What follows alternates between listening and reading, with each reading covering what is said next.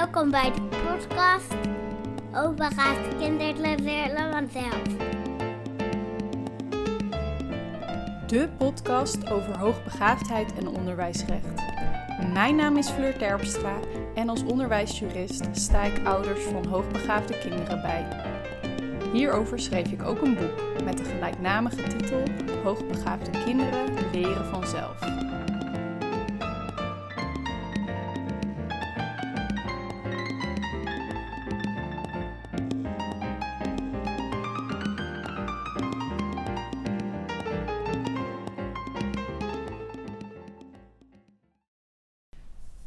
Goeiedag en welkom bij weer een nieuwe podcastaflevering uh, met uh, Seger Terpstra.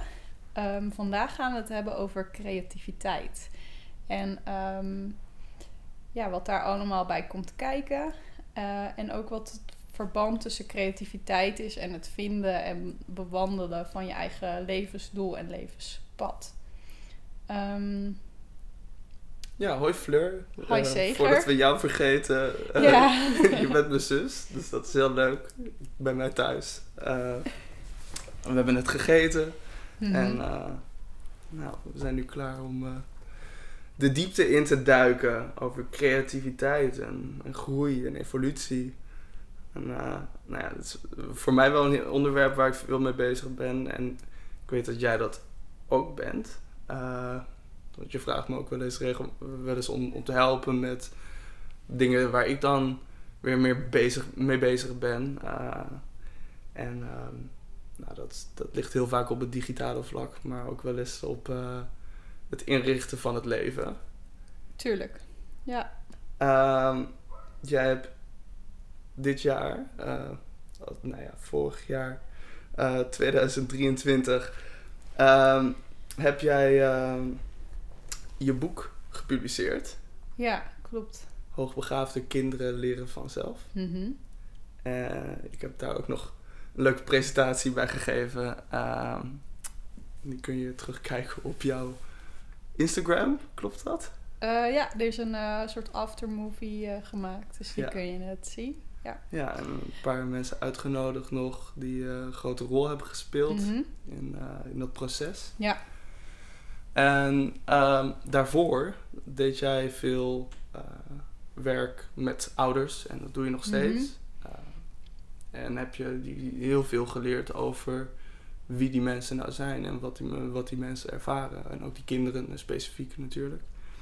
Um, in zekere zin heb je natuurlijk een uh, overgang ge gemaakt van, van het bieden van een dienst mm. naar het vragen wat mensen nodig hebben. Ja. En vervolgens heb je daar een oplossing voor geboden. Ja, in de vorm van het boek bedoel je dan? Klopt. Ja, ja. ja ik denk dat we daarvoor ook al wel uh, met Terpstra Legal bezig waren in oplossingen. Ik denk, je hebt verschillende soorten juristen en sommige die halen hun voldoening al uit het enkele feit dat ze mooie brieven kunnen schrijven en ja, bijvoorbeeld uh, een procedure kunnen voeren. Maar ja. uiteindelijk ben ik het gaan doen, dit werk gaan doen, omdat ik ook uh, iets wil verbeteren en uh, ook mensen dan een oplossing wil bieden. Nou ja, helpen om die te realiseren, want ik heb niet overal invloed op. Mm -hmm. um, en er zijn natuurlijk meer manieren waarop je dat kunt doen. Dat kan natuurlijk ook door mensen zelf um, informatie aan te reiken, uh, sterker te maken, zodat ze met die kennis, ja, kennis is macht, zeggen we wel, maar dat is ook echt zo. Mm -hmm. uh, ja, zodat ze met die kennis zelf uh, naar buiten toe kunnen treden. En zo kun je ook veel meer mensen natuurlijk bereiken. Dat is het mooie aan een boek. Ja, ja het, tastbare is ook een uh, mooi medi medium om ja. dingen in te leren natuurlijk. Ja. Um, nou, sommige mensen hebben dat meer dan anderen, dat je ergens mee bezig gaat en dan, dan kom je erachter wat je niet weet. En uh, ja. als je dan zo'n naslagwerk hebt, dan kun je dat pad van die lessen kun je makkelijker navigeren. Mm -hmm. um, je had het eerder over, ehm, in de vorige aflevering, eh, over het conformeren aan verwachtingen op school. Ja. Ehm, Heb je ergens het gevoel gehad dat de manier waarop je het voorheen hebt ingericht, eh, in vergelijking met nu, dat dat een, een soort logisch eh, gevolg was van het afronden van je studie misschien? Dat je, dat je Ehm. advies zou gaan geven en Nee, nou, eigenlijk was het helemaal niet zo logisch. Want ik ben dan in 2011 gestart als ondernemer. En mensen verklaarden mij eerder voor gek. Want die zeiden, ja, je moet eerst in de leer bij iemand. En dat kan alleen maar als je gewoon in loondienst gaat. Want wie ben jij nou om eh, gewoon maar voor jezelf te gaan beginnen? En nou ja, ik dacht alleen maar, ja, dat is onzin dit. ik weet dat ik niet alles weet en kan nog, maar dat is juist voor mij de uitdaging. Want dat biedt mij zoveel creativiteit en ruimte daarvoor, dat ja, daar ga ik gewoon plezier in hebben. Dus ja, ik heb daar ook niet naar geluisterd en ik ben wel gewoon het gaan doen.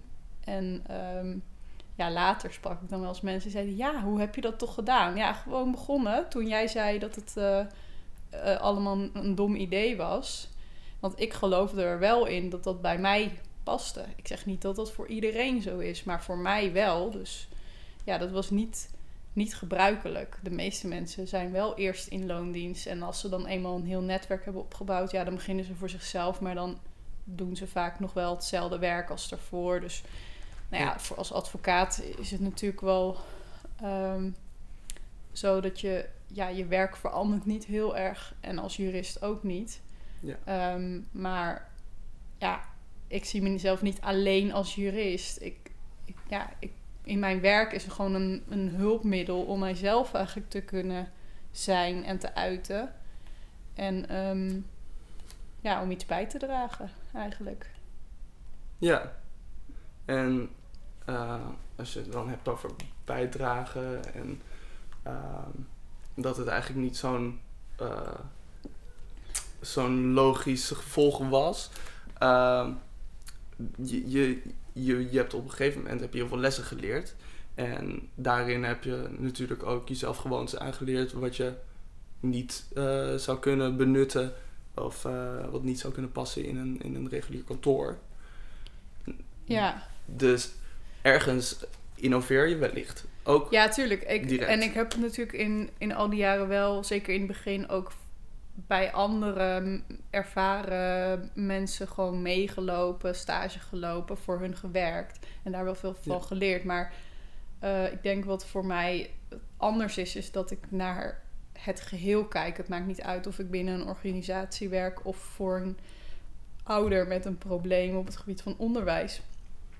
Maar uiteindelijk krijg ik veel meer informatie omdat ik veel meer waarneem Ja. dan alleen het juridische. En waar ik eigenlijk naartoe wil, is dat ik dat allemaal kan gebruiken. Dus waar we het eerder over hadden, van je hoeft je niet meer te compartimenteren. Dus je hoeft Mhm. niet maar een klein stukje van jezelf te zijn. Maar ja, eh, in bepaalde mate doe je dat wel steeds meer. Maar eh, ja, voor mij zou het nog beter zijn als ik op een gegeven moment kan zeggen van ja, in mijn werk kan ik mijn hele zijn gebruiken en toepassen ten dienste van anderen. Ja. Ja, En, en naast al dat werk doe je natuurlijk nog veel meer. Eh, je hebt een kind, eh, je hebt eh, hobby's. Je, je speelde vroeger veel piano, je hebt les gehad. ja. Ik helaas niet, daar ben ik toch nog altijd een Nee. beetje zuur over. Oh. Ehm, Maar je kan het wel beter dan ik, maar oké. ja, Eh, ja, inderdaad, creativiteit beslaat veel meer dan alleen eh, werk natuurlijk. Eh, ik denk dat het een belangrijk onderdeel is van het werk, maar je moet ook ruimte hebben om te spelen. En ik, ik ben van mening dat we dat wel meer mogen doen. Voor mij is dat ook wel iets wat ik, waar ik gewoon ruimte voor wil maken voor het creëren van dingen zonder doel. Want daar ontstaan eigenlijk de mooiste ideeën. En ja, dan zit je ook in een andere flow waarbij je niet gericht bent op de output, maar gewoon op het proces. Dus ik, ik maak ook wel vaak eh, schilderijtjes of... eh, ja, maakt eigenlijk niet uit wat. dat Alles heb je altijd ik- al gedaan, toch? Alles wat ik precies. Ja. Maar wat ik me altijd daarbij voorneem is van het gaat om het plezier in het creëren. En wat een ander er vervolgens mee doet of van vindt, dat is niet, niet relevant. Want anders dan ehm, ga ik daarmee de hele tijd in mijn hoofd zitten denken van nou, wat zou een ander mooi vinden. Nee, dat is dan niet belangrijk. Het is echt puur het proces, het creatieve proces, wat voor mij dan belangrijk is. En ook al neem je dat voor, toch gaat dat wel vaak door je heen van ja, nee, maar toch een beetje zo of het is mislukt. Maar ik probeer dat dan ja, gewoon even te laten en eh, gewoon, gewoon weer mee verder te gaan. Heb je, herken jij dat ook of niet? Ik, ik merk wel heel dat, dat het flow heel erg belangrijk is voor mij. Ja, Eh, dus als ik dat eenmaal heb, dan hou ik het graag vast. ja, Ehm, dus voor mij, de momenten waarop ik aan het creëren ben, die Mhm. variëren ook heel erg. Eh in een moment is dat in de ochtend, ander moment eh, zit ik Ja. midden op de dag heel goed. Maar meestal ben ik dan bezig met mijn huis. ehm, opruimen en dingen.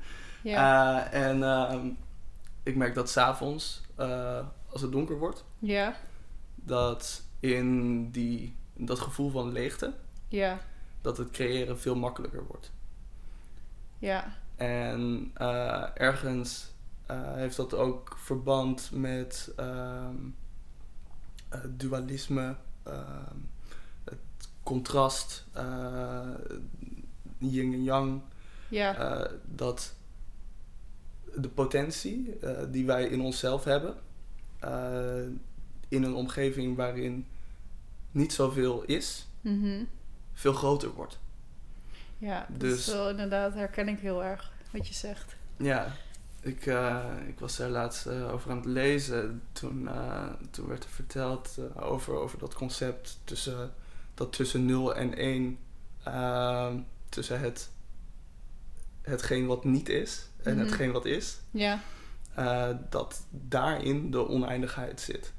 ja, De oneindigheid van verschillende tussenpunten. punten. ja, En, en daarmee ook verschillende paden die je kunt bewandelen in het leven. Ehm, en nou ja, dat, dat houdt dan wel eh, mooi verband met die, met die ervaring van mij. Dat ik in het donker bijvoorbeeld veel beter ehm, creëer. Veel, veel Mhm. makkelijker creëer. Ja, dat je meer contact kunt maken met jouw eigen creativiteit die van binnen zit. En die ook minder afgeleid wordt, denk ik, Klopt, door ja. externe prikkels. Ja. Het doet me ook denken aan ehm, als je gaat mediteren. Of ja, je kan natuurlijk op een kussentje gaan zitten, maar soms is het ook heel meditatief om eh, in bad te gaan of te douchen of zo. Ja.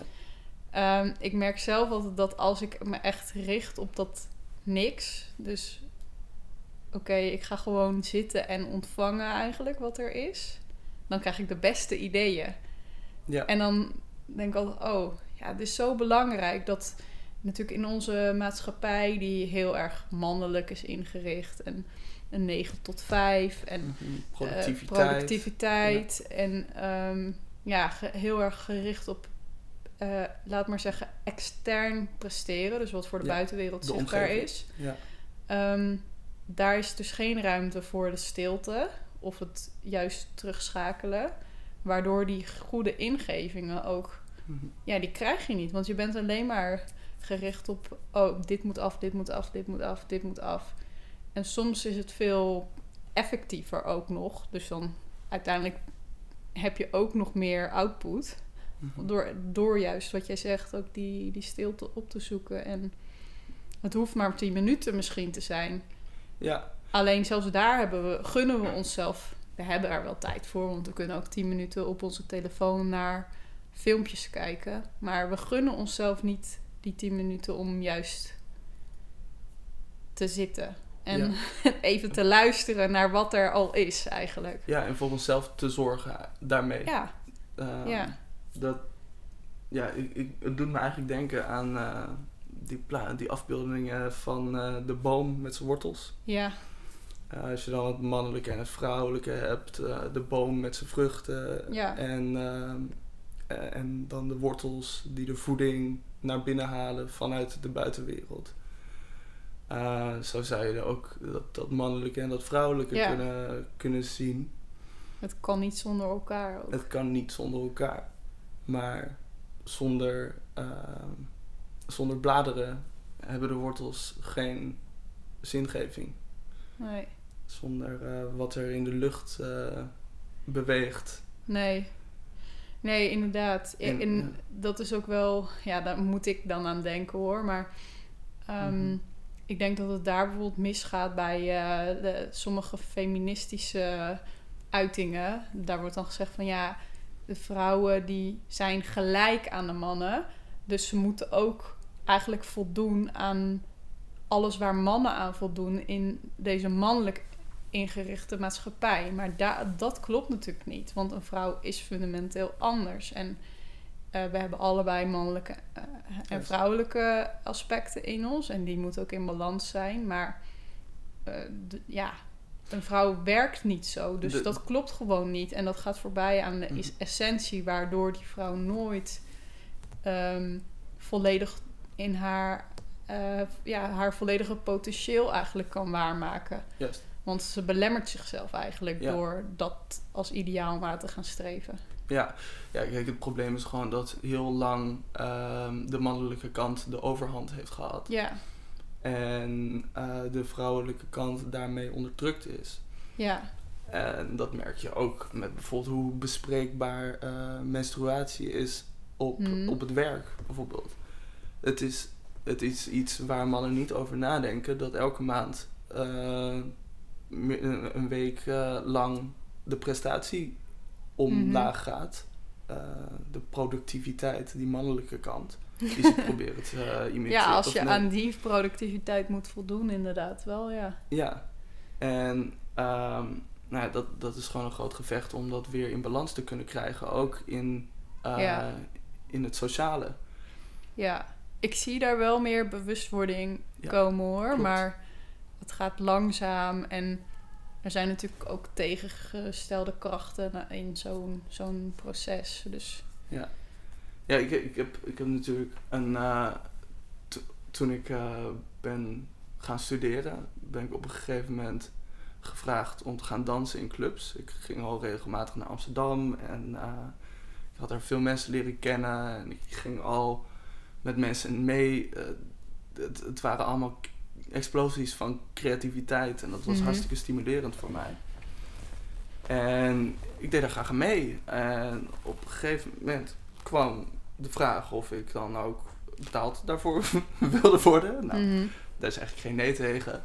Uh, maar dat maakte het wel uh, een groter onderdeel van mijn leven. Uh, en waar ik na alle ervaringen op school heel erg nou ja, in mezelf gekeerd was geraakt, ben ik toen meer een soort absurdistische kant van het leven gaan Mhm. ontdekken. Ja, dus dat was jouw creatieve eh, proces. Ook een soort eh helend proces misschien. Ja, zeker. Uh, ik, uh, ik heb toen drag gedaan. En nou ja, dat begon op een heel erg, nou ja, rauwe manier. Zag het, er, zag het eruit, omdat ik ook gewoon niet zo goed in make-up was en dat soort dingen. En um, ja, op een gegeven moment werd dat wat verfijnder. Maar ik heb altijd wel uh, een uh, element erin gehouden. En dat had ik ook uh, verzegeld middels mijn naam. Mm -hmm. Want die was? Secreet. Mm -hmm. Secreet Selene. Secreet is nou ja, het, het uitschot. En um, Selene is dan de godin van de maan. Uh, van de nacht. En daar heb je dan ook weer mijn creativiteit in het donker. Mm -hmm. um, dat gevoel dat alles mogelijk is. Dat potentieel. Ja. Dat is ook als drag natuurlijk. Alles is ook mogelijk. Absoluut. Um, want de grootste beperking uh, die wij onszelf opleggen is onze identiteit en ons ego. Ja. Uh, die onzekerheid of die zekerheid die, mm -hmm. uh, die je kan hebben over wat je wel of niet bent. Ja, die, die gaat dan niet meer op. nee. En op dat moment ga je denken, oh, wie wil ik, wie wil ik echt zijn? Nou, in het begin was dat een tegen, tegenreactie op wat ik, eh, wat ik moest zijn. Ja. Wat dacht je dan dat je moest zijn? Of hoe voelde je dat je moest zijn? Ehm, ja, oma die was altijd, eh, altijd eh, heel erg eh, specifiek over hoe, hoe ik mijn haren moest dragen, bijvoorbeeld. Dat deed je bij iedereen hoor. ja, ja, Ja. Dat, is, dat is waar. Ehm, maar dat, ja, dat soort kleine dingetjes van Ja. je moet je zo gedragen, je moet netjes zijn, eh, Niet Ik- ordinair. niet ordinair, ja. Ja, en gewoon vanuit de maatschappij of in je omgeving. En dat trok je misschien ook aan. Ja. Ja, ja. En op, nou, op dat moment dat ik daarmee begon met, met drag, ehm, kon ik dat allemaal loslaten. ja, En nou, toen ik dat deed, toen werd ik daar ook om geprezen. Omdat het, het was Ja. zo rauw, het het was, was zo puur. geworden. En ehm, ja, maar op, eh, na, na een tijdje, ik denk twee jaar eh, dat gedaan te hebben, ehm, werd het allemaal heel erg natuurlijk. waar ik voorheen wimpers op deed, deed ik dat nu niet. Ehm, waar ik toen eh, nog wel eens nadacht over, moet ik mijn nagels lakken? Dacht ik, nou laat maar. Ehm, of eh, een uur in de make-up, of twee uur. Mhm. Nou, dat was nu, kon het een half uurtje zijn. Mhm.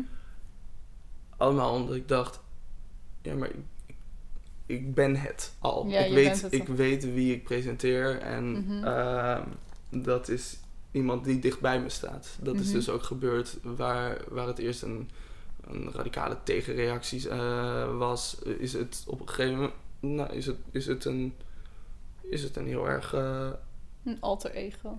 een alter ego, maar ehm, eigenlijk, ik, ik heb het eh, versimpeld. Dus al die elementen die standaard waren, dus zoals jij ook in je werk misschien had ervaren, ehm, de standaard dingen Ja. Waren niet per se noodzakelijk Mhm. om te komen tot het effect wat, wat ik wilde bereiken. En dat is die verbinding, die verbazing, die ehm, ja, eh, verwondering ook. Wat mensen ervaren als, als ze je zien. Dat vond ik heel leuk. En daar lag de waarde ook. En daar, daar heb ik me aan vastgehouden. Ik denk dat je andere mensen daarmee wel inspireert om ook eh, zich meer te uiten. Want ja, als ik gewoon rondkijk in Nederland, zijn we allemaal wel heel erg saai, ingetogen, hoe het hoort. Vooral niet te gek doen.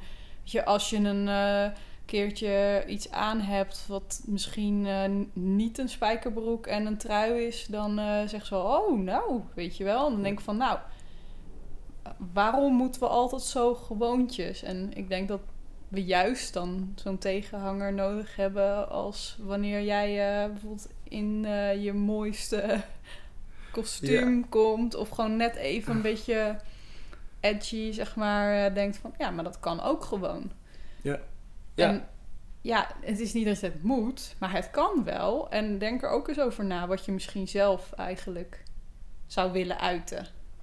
Ja, En doe het dan gewoon. ja, je hebt die vrijheid. Ja, precies. En voor sommige mensen ligt dat wat gevoeliger. In, in, in- die bijvoorbeeld niet in de stad terecht zijn gekomen. Ja. Ehm, want ik, eh, ik zou het ook niet zo snel hebben gedaan als ik nog steeds in, eh, in onze thuis... eh, In een thuishaven. zo ja, Nou ja, er zijn ook minder mensen die je zien, dus dat is misschien ook niet het gewenste effect. ja. En je hebt al zo'n heel achtergrondverhaal met die mensen natuurlijk. Door, door wat je Ja, op die ja, scholen ja, ja. ervaart. En Maar ook dat, ja, dat maakt het ook niet leuk. nee, dan is het niet, niet leuk. Dan word je misschien eh, ook niet begrepen, zeg maar. Het wordt niet op waarde geschat, laat het zo maar zeggen. Nee. Ja. Ja, het is wel mooi om te zien dat eigenlijk komt het dan op hetzelfde neer. Wat jij zegt van nou, als het dicht bij mezelf staat, heb ik minder uh, ervoor nodig. Hè? Bijvoorbeeld eh, je, in je drag uh, optredens. En eigenlijk heb ik dat inderdaad ook in mijn werk. Van, ik heb er minder voor nodig op het moment dat ik iets doe wat meer bij me past. Waar ik meer mezelf in kan zijn. En het effect op de omgeving is ook veel groter. En bij mij is dat dan natuurlijk niet het verwonderen of het chockeren of het absurdistische, maar het zit er op een ander vlak. Maar het komt wel op hetzelfde neer. En ik denk dat het ook wel met creativiteit te maken heeft. Want op het moment dat je jezelf bent in alle aspecten, dan zit ook jouw innerlijke creativiteit kan ook gewoon vrij uitstromen. Want er zijn geen belemmeringen aan als het gaat om verwachtingen van anderen. Mm Welke rol je dan zit. Ja. ja, volgens mij is er ook zo'n didactische uh, methode uh, die begint met een trigger. Mm -hmm. uh, en als je iemand kan uitdagen, dan heb je in ieder geval de aandacht. En vanuit daar kun je de verbinding opzoeken. Dus waar het ook qua naam misschien chockerend is. Wat is weer? Secreet. Oh, dat is mhm. waarschijnlijk echt een heel naar persoon. Maar dan het contrast bieden door juist heel erg aardig te zijn tegen mensen. Mhm. en, uh, en, heel veel liefde te tonen. Mhm. Kun je die mensen een cognitieve dissonantie uh, geven. Waardoor ze gaan nadenken.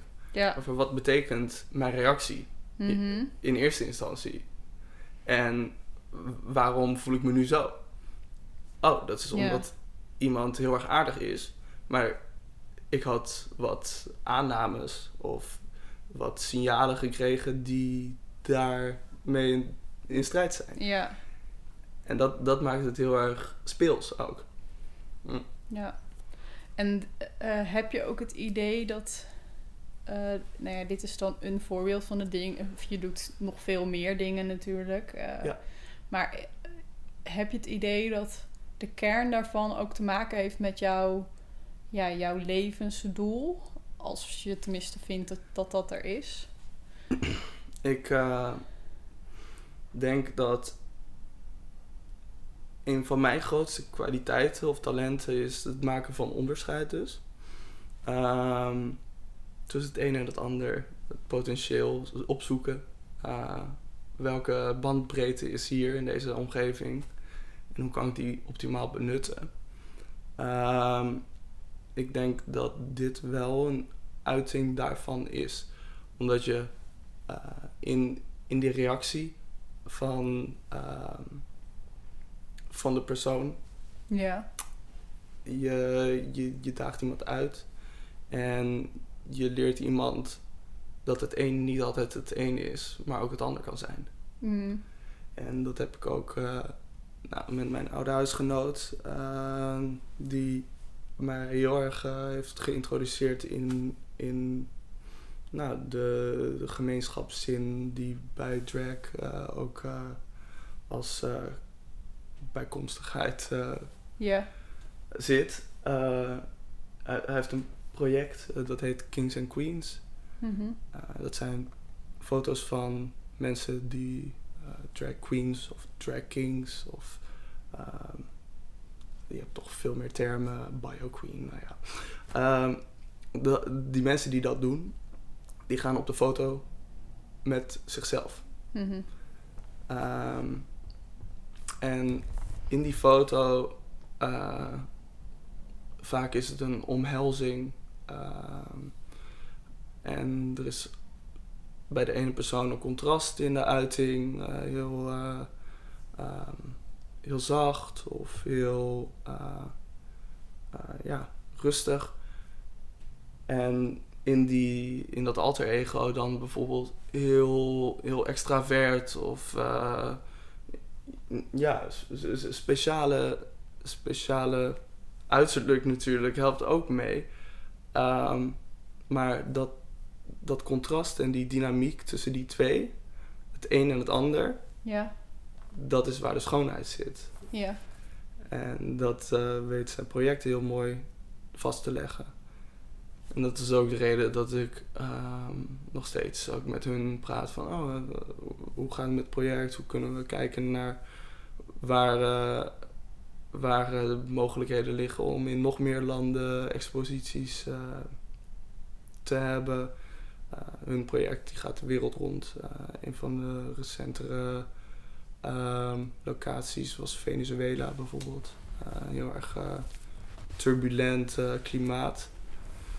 En juist die omgevingen eh, hebben mogelijk veel baat bij zo'n weergave van de realiteit.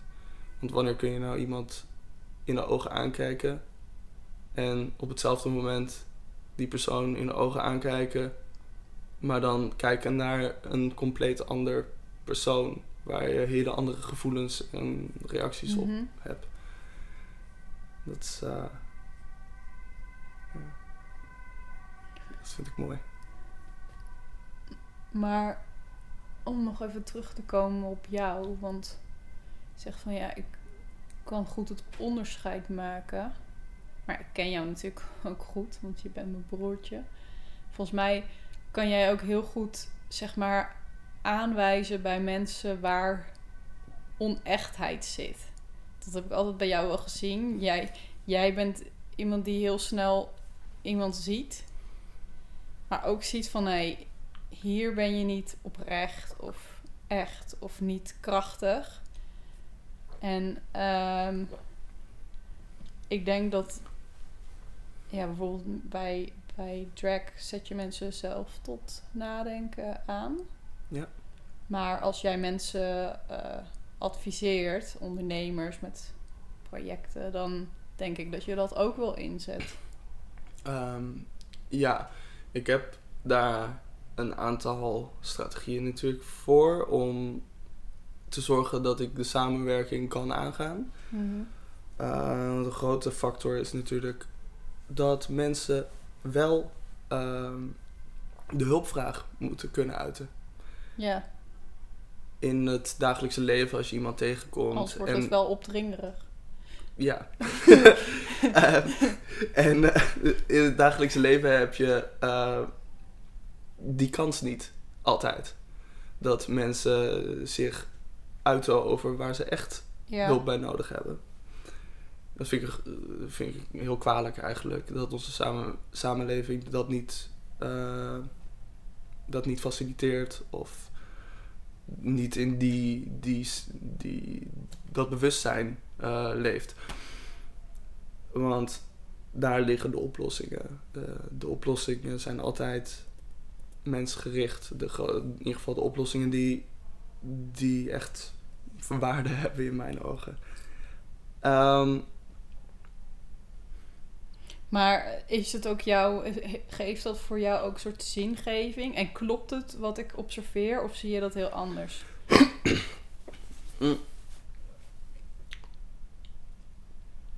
wat je observeert is goed. Het, het- het- er- ik Daar kan me er- je wel in. Ja, ik kan mezelf erin vinden. Ehm, maar er zijn, er zijn heel veel nuances per situatie, omgeving, Ja, Die- uiteraard. die verschillen maken. Dus natuurlijk, ja, in, in het werk eh, zet ik het in. Ik, ik heb een hulpvraag nodig, zodat ik duidelijke doelen kan stellen. Ehm, ik probeer de persoon te begrijpen. Ehm, dus ook vanuit de kern te werken. Ehm, maar op persoonlijk vlak kan ik dat niet altijd. Mensen hebben de tijd nodig. Ja, Ehm, en in, in, in die omgeving, de persoonlijke en sociale omgevingen, gaat het niet om geld, gaat het niet om tijd. En gaat het eigenlijk alleen maar om waarde. Eh, of kwaliteit. Kwaliteit van leven. Mijn levensdoel is wel het vinden van oplossingen. mhm.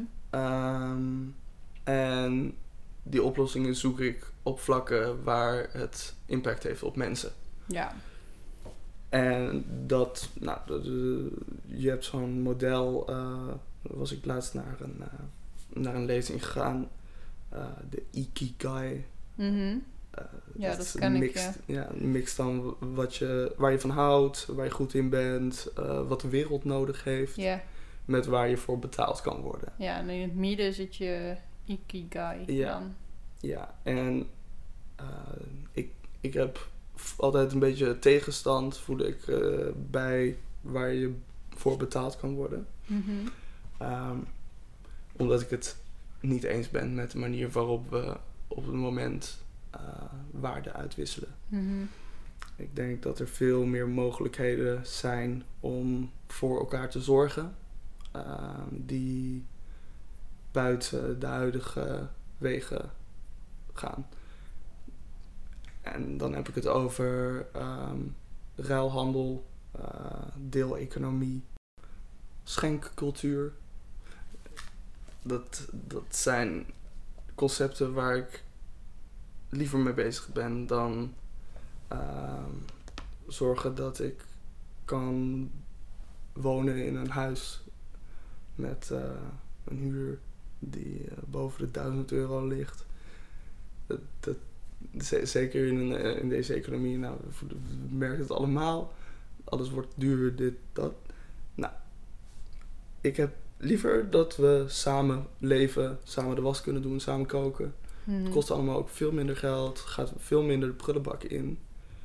En eh, de mogelijkheden om landbouw te doen in gemeenschap zijn dan ook veel, veel dichterbij. Daar denk ik graag over na. Ehm dus echt wat eh, niet alleen de symptomen oplost, eh, maar ook de kern weer aanpakt. Dus nou ja, daar ben ik nu een aantal jaar mee bezig om dat soort eh, concepten te ontwikkelen of on- onderzoeken. En daar heb ik ook heel veel vrienden in gevonden. Ik merk dat heel veel mensen daar mee bezig zijn. En jij ook. Eh, jij hebt ook je stukje land. Mhm. Eh, en dat, dat brengt heel veel vreugde. Ja, en eh, het is ook een hoop werk. dus dan waardeer je wel e- extra wat je van de aarde krijgt. Ja. Ja, precies. Ik, ik, ik haal nog niet zoveel uit mijn tuin. Ik bedoel, ik heb een appartement en een balkonnetje. Ja, Dus eventueel dat ik nog een project begin op mijn balkon. Maar tot nu toe zijn het alleen maar eh, experimenten geweest. Waarin ik kijk, oh, kan ik van deze supermarktproducten nog wat, eh, wat maken? En nou, dan staat het bijvoorbeeld een jaar later nog steeds in mijn huiskamer groen te zijn. En dat Maar zou je dan ook eh, in een commune gaan wonen waar je al aan al deze dingen kan voldoen? Ja, ja het, e- de eerste reactie die ik daarbij heb is dat er wel. Ik, ik, ben een bepaalde luxe gewend. ja, Eh, dus dan komt het dus wel weer met elkaar eh, in de knoop. Ja, klopt. En, en, en dat is waar creativiteit ook een plek heeft.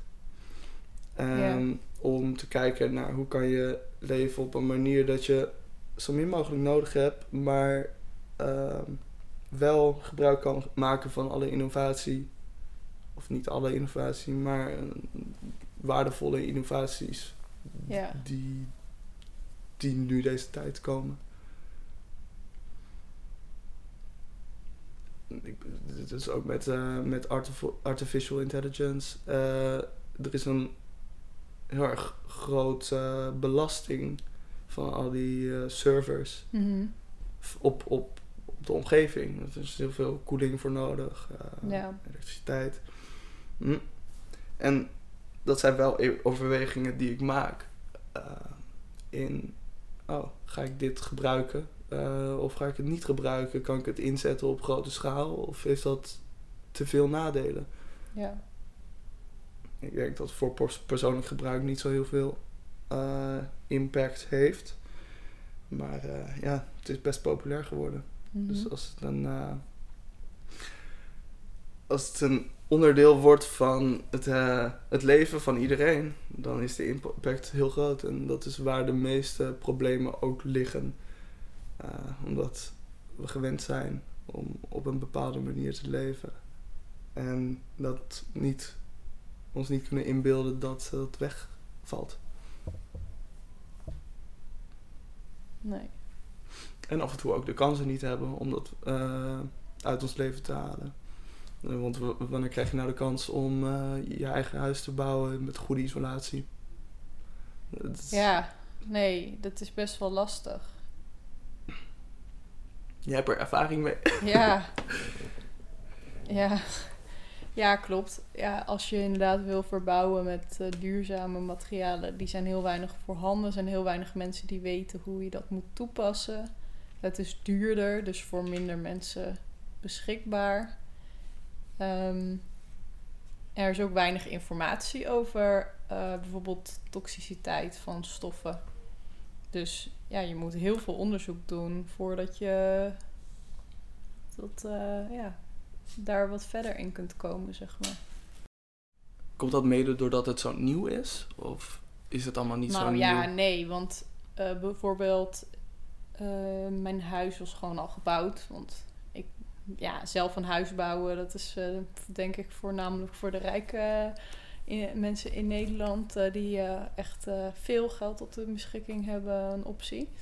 Maar ehm, het moest wel verbouwd worden en ik heb ehm, in plaats van gestuukt met eh, reguliere materialen heb ik daarvoor leem gebruikt laten gebruiken. Wat eh, gewoon een natuurlijk materiaal is, wat in Nederland gewoon eh, ja, gewonnen kan worden. En wat ook volledig weer terug kan worden gegeven aan de, aan de aarde als je het niet meer nodig hebt.